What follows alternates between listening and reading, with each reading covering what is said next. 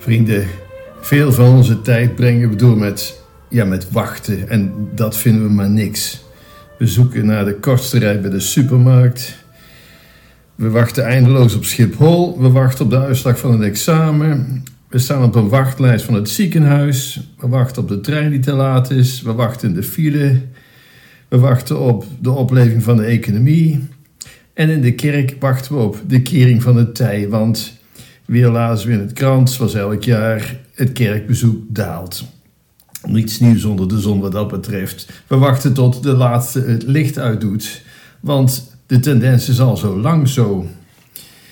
In de jaren 60 sloeg de kerk nieuwe wegen in. We weten het, nieuwe liturgie, nieuwe catechese, nieuw taalgebruik. En nu, zo'n halve eeuw later, denken velen, hadden we het niet beter bij het oude kunnen laten. Want ja, die zoektocht naar de nieuwe toekomst, wat heeft die nou eigenlijk opgeleverd? Wie over toekomst praat, die praat over nieuwe generaties. Maar waar zijn die? Waar zijn de kinderen? Waar zijn de jongeren? Waar zijn de mensen van morgen? Nee, we vergrijzen, laat de laatste het licht maar uitdoen. Wie zo denkt, en die zijn er nogal wat, die wijzen graag op de tweede lezing van deze zondag van Paulus. Paulus vraagt om geduld. Hij vraagt ons te wachten, te wachten en te blijven geloven. En Paulus wijst daarbij op Abraham en Sarah.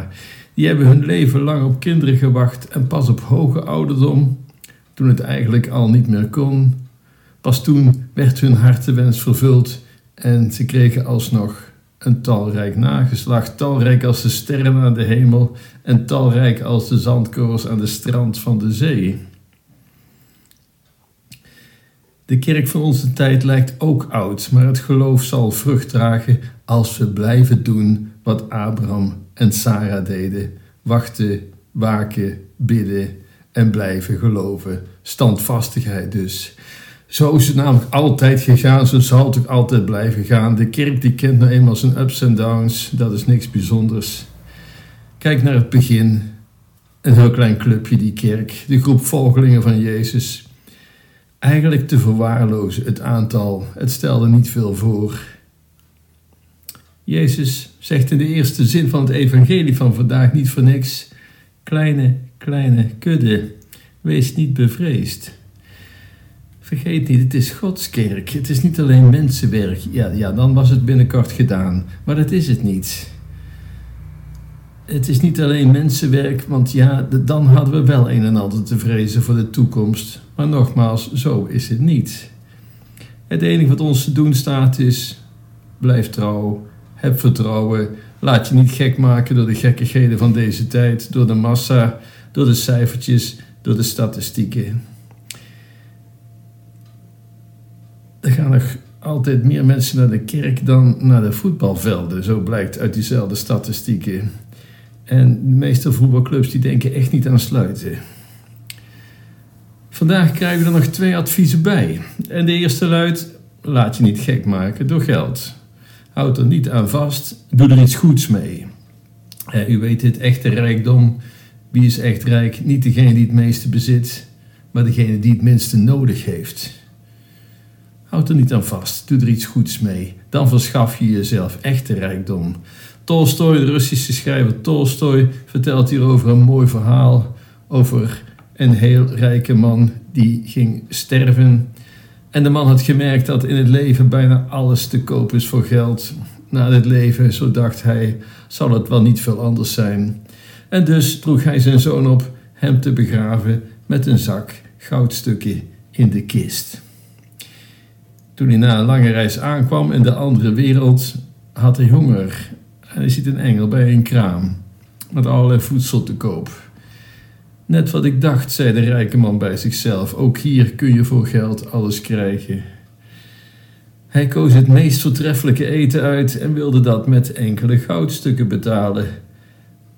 Maar dat werd door de engel afgewezen. Je hebt op aarde niet veel geleerd, zo zei de engel.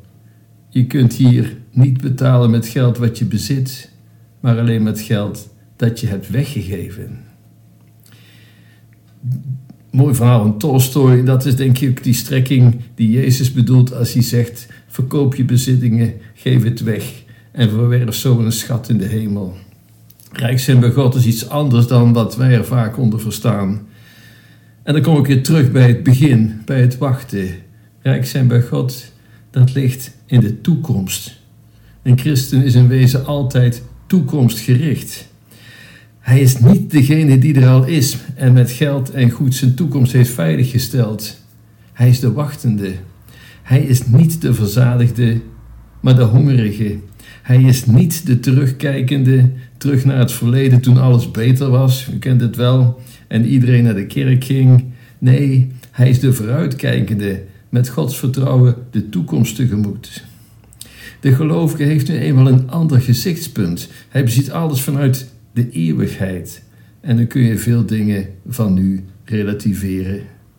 Hij zoekt alleen gerechtigheid, liefde, trouw en het bezit dat je dan verwerft. Nee, dat is niet onderhevig aan inflatie en wordt ook niet gestolen door inbrekers.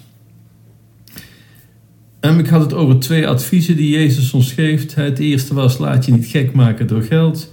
En het tweede is: wees waakzaam. Leef niet oppervlakkig aan God en elkaar voorbij. Wees waakzaam. Bewaar je liefde en geloof. We zijn heel waakzaam als het gaat om ons huis. Dat beveiligen we goed. En de hoop dat als je terugkomt, in de hoop dat als je terugkomt van vakantie, dat alles er nog is. We zijn zuinig op wat we hebben, waakzaam. En Jezus vraagt ons ook zuinig te zijn op je geloof. Want ook je geloof kan je ontstolen worden. Ook je godsvertrouwen kan worden weggehaald. Al is het maar door pessimisme en dalende cijfertjes. Maar laat je dan ook daardoor niet gek maken. Want als je je geloof kwijtraakt, ja, dan sta je er slecht op, zeker in moeilijke tijden. Want juist dan is het geloof, zoals Paulus ons in de tweede leging zegt, juist dan is het geloof de vaste grond van waarop we onze hoop hebben gesteld de bodem van ons bestaan.